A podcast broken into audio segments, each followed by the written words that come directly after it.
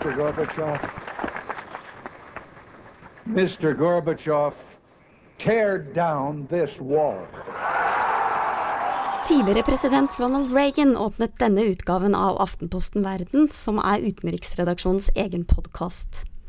Det var i 1987, i Berlin, på tampen av den kalde krigen, at Reagan rettet en bønn til Sovjets leder Mikhail Gorbatsjov om å åpne portene mellom øst og vest. Og det var nettopp det han gjorde. Spørsmålet nå er om de er i ferd med å lukkes igjen. Dagens tema det er Russland, og mitt navn er Reidun Samuelsen. Med oss fra Moskva har vi korrespondent eh, Per Anders Johansen. Og Per Anders, du bodde i Moskva også som barn.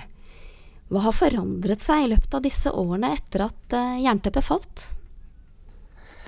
Nei, For 40 år siden så var jeg en liten ungpioner, jeg. I um, skole 46 med uniform og Lenin-merke på brystet. Og jeg tenker at uh, altså det har skjedd enormt mye. Uh, og uh, jeg tror vi glemmer hvor mye som har forandret seg. Den gangen så vi hadde ikke vi hadde ikke tyggegummi, vi hadde ikke tilgang til vestlige popkultur eller nyheter fra Vesten. Det var en meget omstendelig jobb å komme seg til Russland. Eh, det var um, umulig for russere å reise vekk. Og, og, du hadde et parti, det var kommunistpartiet, som styrte absolutt uh, alt. Som vestlig den gangen så levde vi jo som konger. I den forstand at vi tilhørte en absolutt elite. Vi hadde egne butikker som vi handlet i, og vi hadde et uh, Ja, altså vi levde et, uh, et veldig bra liv sammenlignet med russere. Men når jeg nå går ut av leiligheten her i Moskva, så møter jeg jo russere som går på går i finere klær enn meg og har mye mer penger enn eh, meg på Aftenposten-lønn. Hvordan har eh, den jevne russers eh, syn på oss i Vesten endret seg? Kan du si noe om fiendebildene den gang i forhold til i dag? I dag så er det vel slik, altså akkurat nå så ser vi at de siste årene så har faktisk russere et mer negativt syn på USA og Vesten enn man hadde den gangen i, på 70-tallet og 80-tallet så var det jo en drøm blant mange russere om å komme seg vestover, om å oppnå vår levestandard, kunne høre på vår musikk og gå i våre klær. Nå jeg mener jo omtrent 80 av russerne, ifølge de siste målingene til Levada, eh, at de har et negativt syn på USA. Og omtrent halvparten er jo redde for at det blir en krig. Med oss i studio her i Oslo har vi også utenriksjournalist Per Christian Aale. Eh, og Per Christian, du var jo Moskva-korrespondent for Aftenposten eh, på begynnelsen av 2000-tallet, 2001 til 2006.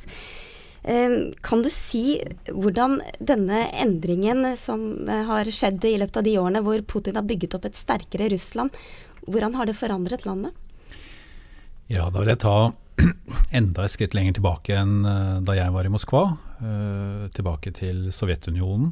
På slutten av sovjettiden så var jo eh, landet nedkjørt. Økonomien var i dyp krise, og forsvaret var utdatert. Så brøt Sovjetunionen sammen i 1991, og så ble alt veldig mye verre. Eh, det var kaos, levestandarden stupte. De hadde en president som ofte var full. Han, han hadde sin store øyeblikk i i, i noen viktige historiske avgjørelser. og da snakker du om Boris Jeltsin? Boris Jeltsin, ja. Men han var ingen stor dag-til-dag-politiker. Eh, landet var i en dyp krise. Eh, og så kan du si at bunnpunktet det ble nådd i august 1998 med rubelkrisen. Altså det var, da nådde man bunnen. Og inn kom da fra siden Vladimir Putin. Først som statsminister, og så ved millenniumsskiftet så ble han president. Og hans prosjekt eh, het fra starten, og det har han vært helt tydelig på, det var å gjenreise Russland. Gjenreise stormakten Russland. Og Putin hadde jo veldig flaks. Eh, I 98 så var oljeprisen i 10 dollar fatet. Eh, og etter han kom til makten, så har han bare steget og steget og steget helt fram til det siste. Russland fikk eh, plutselig mye penger. Og En del av disse pengene har han brukt til å, å, gjenreise Russland, til å modernisere Russland, til å oppdatere Forsvaret, som var helt nødvendig, og gjøre det sterkere. Vi i Vesten tenker kanskje først og fremst på Putin som en litt aggressiv maktpolitiker. Hvordan ser russerne på ham? Nei, altså russ, Mange russere liker Putin, og det er en sterk og lang tradisjon i Russland for at man liker sterke ledere. Og Da kan man gå helt tilbake til Nestor-krøniken på 1100-tallet, som er Russlands svar på Snorre. Og Der heter det at vårt land er stort og mektig, men her hersker kaos. Vi trenger, vi trenger en, en, en, mektig leder. Og Det russerne gjør, gjorde da, ifølge, krøniken, var å invitere vikinghøvdingen Rorik til å styre over seg i året 862. Eh, og Sånn sett så føyer Putin seg inn i en lang tradisjon eh, med sterke ledere. Det fremstår kanskje litt eh, i hvert fall uvanlig for oss når han poserer i bar overkropp. Eh, per Anders Johansen fra Moskva, eh, er dette et idealbilde, eller hva tenker russerne om den type fremferd? Altså, det er jo veldig vanskelig å vite hvor populær Putin egentlig er. Men det er klart, han drikker ikke. Han lever et sunt liv, og han er jo faktisk, så vidt jeg kan forstå, nesten mer populær blant kvinner enn blant vanlige russere. Og vi i Vesten får jo bare skal vi si, et litt karikert bilde av Putin når han truer oss, når han driver sin storpolitikk. Men russerne bombarderes jo daglig av Putin i mange andre versjoner, i andre fasonger en Putin som sitter og prater med eh, gårdbrukere og, og bønder i Dagestan, til en eh, Putin som eh, hilser på sportsfolk. Altså Putin er jo rundt omkring overalt hele tiden i russiske medier. Og et, en, en, ting er jo hvordan russerne liker Putin, men, men, det er ikke noe tvil om at uh, veldig mange russere setter pris på at Russland igjen har kommet på beina. Og Da Sovjetunionen brøt sammen i 1991, så var det jo ikke bare kommunist styret og, eh, fra 1917 som brøt sammen. Det var jo et flere hundre år gammelt imperium som gikk i oppløsning. Og fra å være et imperium og være en supermakt til eh, å være et land som måtte krype og be og tigge, det var veldig ydmykende for mange russere. Og Russere er stolte av landet sitt, og, og, og, mange russere setter pris på at Russland igjen er, er kommet på beina.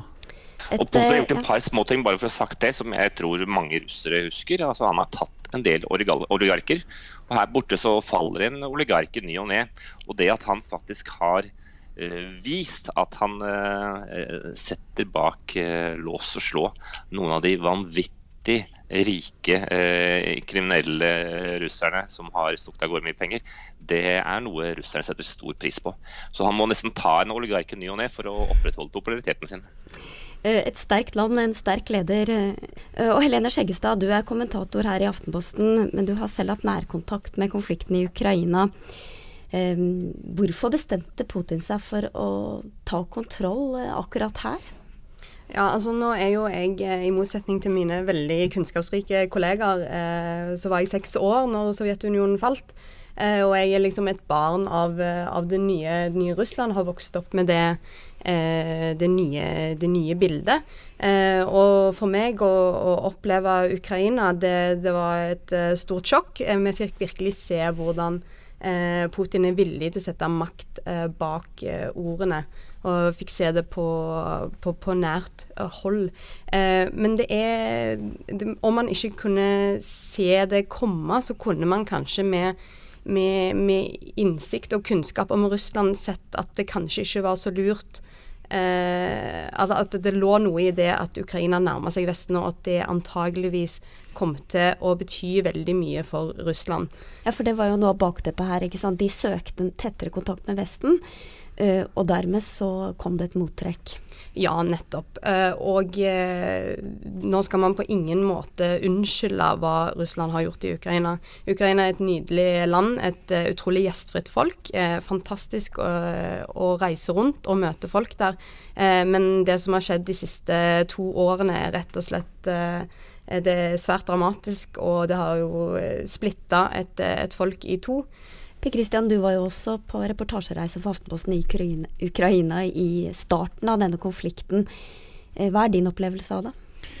Jo, eh, jeg vil si litt om, om russernes syn og, russe, og Putins holdning. Eh, og Det er jo at det Putin har sagt mange ganger, er jo at da Russland lå nede for telling og, og, og var svakt, så mener han at Vesten utnyttet det og, og tråkket inn på, på, på, russernes område og russernes innflytelsessfære. og nå er igjen Russland oppe, opp og står. Og da vil man slå tilbake. Man vil ta, ta tilbake der man, der man, mener at man har en rettsmessig, rettsmessig innflytelse. Da. Men når jeg reiser fram tilbake mellom Russland og Kiev det jo, og, og, Ukraina, det som slår meg, er jo at da, det, det, går jo en strøm, og det har vært en strøm av ukrainere som har reist til Russland for å jobbe. og skaffe penger. Eh, lønnsnivået er mange ganger høyere i Russland. Og her i Moskva så tar jeg stadig taxi med en ukrainsk eh, taxisjåfør. I Vesten så glemte vi jo å følge med på hva som skjedde de, i Ukraina de, i de 25 årene som gikk fra landet ble selvstendig. Eh, mens russerne og ukrainerne levde jo veldig tett på hverandre. Vi, du sier at vi har eh, glemt å følge med på Ukraina. Glemte vi også å følge med på Moskva? Var vi for naive i, Vesten i forhold til den oppbyggingen som, eh, som foregikk? Eh, trodde vi at de var mer som oss? Jeg, jeg, jeg, mener det. og igjen så vil jeg trekke paralleller tilbake i historien. For, det, for 300 år siden så var det en debatt i Europa, i Vest-Europa, om at nå var Russland i ferd med å bli som oss. Eh, og bare de fikk gjennomført det og det og eh, disse reformene, så ville etter hvert Russland bli som oss. Men poenget er at det har aldri blitt som oss. Eh, som en dyktig kollega, Petter Normann Våge, som tidligere Ryan Reynolds here from Mint Mobile. With the price of just about everything going up during inflation, we thought we'd bring our prices down. So to help us, we brought in a reverse auctioneer, which is apparently a thing. Mint Mobile unlimited premium wireless. Ready to get 30, 30, bit to get 30, bit to get 20, 20, 20, bit to get 20, 20, bit to get 15, 15, 15, 15 just 15 bucks a month. So, Give it a try at mintmobile.com/switch. slash $45 up front for 3 months plus taxes and fees. Promo rate for new customers for limited time. Unlimited more than 40 gigabytes per month slows. Full terms at mintmobile.com. til Dagbladet skrev, at uh, han skrev en bok som heter 'Russland er et annet sted', og, og det er veldig godt sagt. Altså, Russland er ikke som oss, altså, det er et annet uh, det er et annet sted. Men det er viktig at man sier at eh, For jeg reagerer litt på at man sier at man var naive. At man kanskje trodde for godt om russere. Jeg tror ikke det er der det handler om. Det handler om eh, mer å ha innsikt og kunnskap eh, om, om, det landet og hvordan de kommer til å håndtere forskjellige situasjoner. Eh, og så er jeg veldig enig med mine kollegaer som trekker disse, disse, historiske linjene. Jeg tror det er ekstremt viktig. Men så tror jeg det er viktig å huske på at vi nå står i en i en ny situasjon. Det er ikke, en, eh, det er ikke historien som gjentar seg, eh, på en måte, selv om man selvfølgelig kan se paralleller. Den situasjonen vi står i nå, er ekstremt alvorlig og krever nye måter eh, å forklare situasjonen på. Da. Men jeg, der hvor jeg tror jeg har vært naiv ja. Unnskyld. Der, der vært, ja. Kom igjen, Per Anders. Eh, der jeg tror vi har vært eh, naive, er jo for det første synet på hva som skjedde i Russland på 90-tallet eh, Vestens syn på Jeltsin som en stor skal vi si, demokrat, eh, deler jo ikke en eneste russer jeg møter. Og eh, når det gjelder den militære oppbyggingen av eh, Russland, så er det jo det noe som man har sett på helt åpent. Og jeg tror på vestlig side har man forstått at det måtte skje. Altså Den eh, russiske hæren var så falleferdig at det at de satset på sitt militære slik Putin har gjort, det tror jeg ikke har vært opplevd som en sånn veldig stor trussel. Det nye er jo at han var villig til å bruke militærmakt i Georgia, i Krim og gjennom den fordekte krigen i Ukraina. Og det var vi i Vesten ikke forberedt på. Men på andre siden, russerne har jo sittet og sett på hva som har skjedd i Irak, Kosovo og Libya.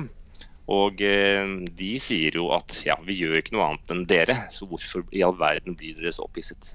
Og ja. nå ser vi også at uh, de er inne i Syria med sine krigsfly, og denne uken så var uh, Syrias president uh, Bashar al-Assad i Moskva for å ha samtaler med, med Putin. hva vil russerne oppnå med engasjementet i Syria, som jo er ferjet av over fire år med borgerkrig? Ja, jeg, jeg syns det er viktig, bare for å fortsette litt der, der, vi, der vi, slapp, at, at etter, etter Sovjetunionens sambrudd så tror jeg det var en feil holdning i Vesten at Russland ville ha akkurat samme interesser som oss. Mens Russland er et stort land som har sine egne interesser. Russiske myndigheter er realpolitikere. Og, og Russlands interesser vil ikke alltid være det samme som oss, og det ser vi også nå i, i Syria hvor eh, Putin følger det han mener er, er Russlands interesser. Eh, Assad har vært en viktig alliert for, for Russland. Og, og, enten om han, om han klarer å, å, styrke makten til Assad, eller en annen fra det samme regimet, så er nok det russernes mål. Ja, og det er, jo, det er jo, ikke til å, å, stikke under stol at man kjenner at historien rufser en lett i håret når man nå liksom ser hvordan USA og Russland møtes eh, indirekte i en krigføring i et annet land. Eh, men nok en gang da, så, så, ber jeg om at vi ser på faktaene på akkurat denne situasjonen. Eh, Russland eh, de reiser lett i Syria. Eh, og de har eh, organisert seg militært på en sånn måte at det kan se ut som de ganske lett kan trekke seg ut igjen. Og det tror jeg har sammenheng med at, eh, at Putin vet at han har ikke råd verken eh, økonomisk eller eh, for sin egen popularitet å ha et langvarig engasjement i Syria. Og eh, Du nevnte jo så vidt, uh, Helena, at uh, de møter USA på, på, slagmarken på et vis. For USA sender jo også sine krigsfly innover syrisk luftrom. Er det et gufs fra den kalde krigen vi ser? Nå har vi jo to igjen sterke makter som møtes da på indirekte på hver sin side av en konflikt? Ja, altså jeg syns jo det er veldig lett å trekke de historiske, historiske linjene. Og da kan man jo òg bli veldig pessimistisk eh, med tanke på, på fremtiden. Eh, hvis man ser hvor lenge den kalde krigen holdt på. De møttes i Vietnam og Afghanistan. Riktignok var det perioder der, det var, der de faktisk møttes. Eh, men jeg tror nok en gang at man må se på eh, fakta i denne situasjonen her.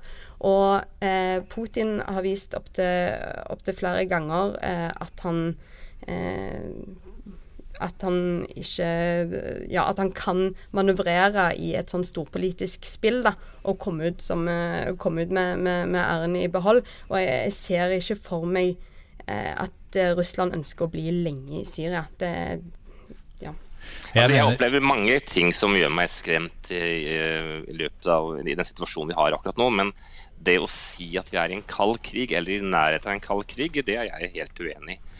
Eh, krigen i Syria eh, er jo ikke en proxykrig ennå. Eh, for hva er i så fall skal vi si, Vestens støttespillere i dette si, landskapet? Eh, hvis man legger merke til ordbruken som russerne og Putin eh, har nå, så er det en helt annen ordbruk enn det Sovjetunionen førte når man drev virkelig proxykriger på 70-tallet og, og lenger tilbake. Og jeg tror det er litt opp til Vesten også, i hvilken grad vi vil at dynamikken videre nå skal føre oss nærmere en, en kald krig. Uh, jeg ser jo at Putin bruker f.eks. sanksjonen nå til å heise det russiske flagget. Uh, bygge ytterligere opp om fiendebildet mot Vesten. Og han sier at nå, russere, nå må dere bare ta dere sammen, bli flinke til å lage produkter. Benytte sjansen til å kunne Eh, slå Vesten med bedre varer og bedre business før eh, sanksjonene oppheves. Dette er en gyllen mulighet. Jeg tror det er kjempeviktig det Per Anders eh, sier her om den, den kalde krigen. Eh, og det som kanskje mangler mest, er jo den ideologiske kampen som vi så under, under den kalde krigen, som nå er mye vanskeligere å få øye på jeg var egentlig skulle si akkurat det samme, at, eh, at den kalde krigen var tross alt en konkurranse mellom to uh, helt forskjellige samfunnssystemer. Det var kommunisme på den ene siden, det var demokrati og kapitalisme på den andre uh, siden. Noe sånn konkurranse har vi ikke i dag. Altså, jeg synes Det blir helt feil å si at det er en kald krig. Men eh, Russland er et stort, makt, et stort land, en stormakt, som har egne interesser, og de interessene sammenfaller ikke alltid med oss.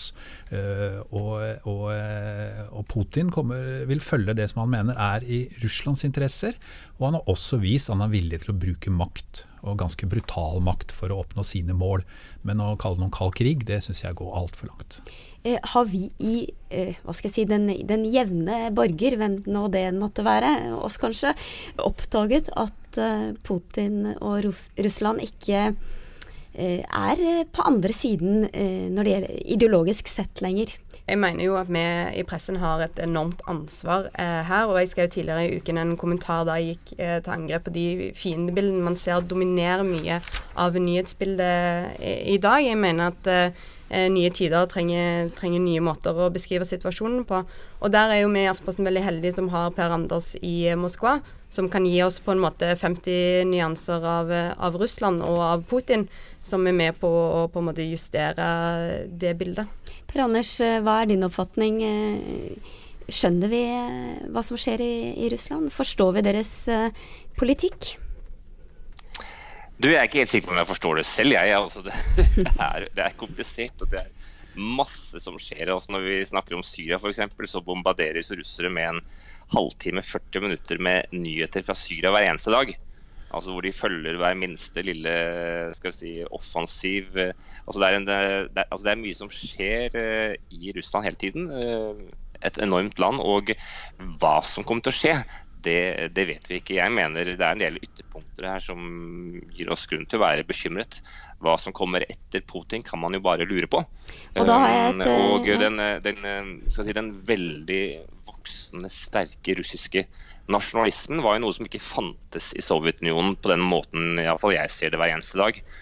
Og eh, nasjonalisme, det er, det er nifst, det. Og særlig når du har en eh, stormakt med, eh, med de krefter og de ressurser som Russland har, så er det tenker jeg, av og til litt eh, urovekkende å se hvordan dette landet helt ikke er klart til å definere seg selv.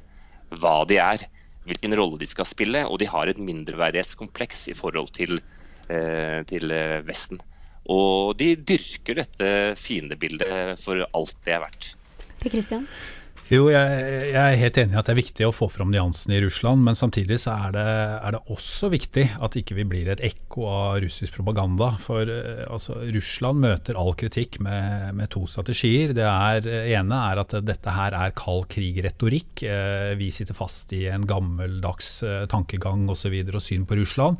Sånn er ikke Russland lenger. og det er rettsmessig å kritisere Russland for mye. Altså, under Putin så har han gjort de fleste mediene nasjonalforsamlingen og de tidligere uavhengige guvernørene til logrende pudler. Og opposisjonen er, er totalt paralysert. Ja, det, ja, den, er, nå er den, jo helt utslitt. den er jo helt utslettet, nesten. Og med det lokalvalget vi nettopp har hatt i Russland, så ser man jo at uh, opposisjonen virkelig er, er, fullstendig knust. De sitter nå og diskuterer om de skal prøve å våge å arrangere en ny demonstrasjon, demonstrasjon i Moskva. For den forrige var det jo bare en par tusen som dukket opp på. Så denne, denne, sterke makten som Putin har klart å bygge eh, opp, det forbauser jo mange. Men på andre siden så er ikke eh, altså Han har ikke absolutt makt i Russland. Det er mange andre som også har makt, og det pågår maktkamper hele tiden. Ja, altså Bare for å skyte inn kort dette med, med fiendebilder, eh, så vil jeg bare si at de største mestrene i dette er jo russerne sjøl. Eh, mitt hovedpoeng er bare at vi må ikke synke til deres nivå. Hvor lenge blir eh, Putin sittende? Ja, Det er et vanskelig spørsmål. Han, får jo, eh, han har jo ikke sagt at han ville gå til valg en gang til. Men er det noe som gjør liberale russere veldig deprimert, så er det jo tanken på at, at eh, de kanskje vil ha, måtte ha leve med Putin i både seks og åtte år til. Det gir dem en følelse av fullstendig håpløshet. At det er liksom ingen mulighet for å forandre dette samfunnet på noen som helst måte. Ja, det er ingenting som tyder på at Putin vil forsvinne med det første. Og, og, og når den tid kommer, om det er da seks, åtte, ti eller tolv år, så, så, så, er det vel eh, lite som tyder på at, man, at, det blir en liberal, demokratisk eh, alternativ som kommer, kommer, til makten. Ja, og med det så runder vi av denne ukens sending av Aftenposten Verden. Takk til eh, Per Anders Johansen i Moskva, Per Christian Aale og Helene Skjeggestad her i studio i Oslo. Utenriksredaksjonens eh, podkast er tilbake neste uke, og i mellomtiden, følg oss gjerne på Facebook, på Twitter, og les oss på Aftenpostens nettavis ap.no. Vi er også på papir, i en postkasse nær deg. Takk for oss.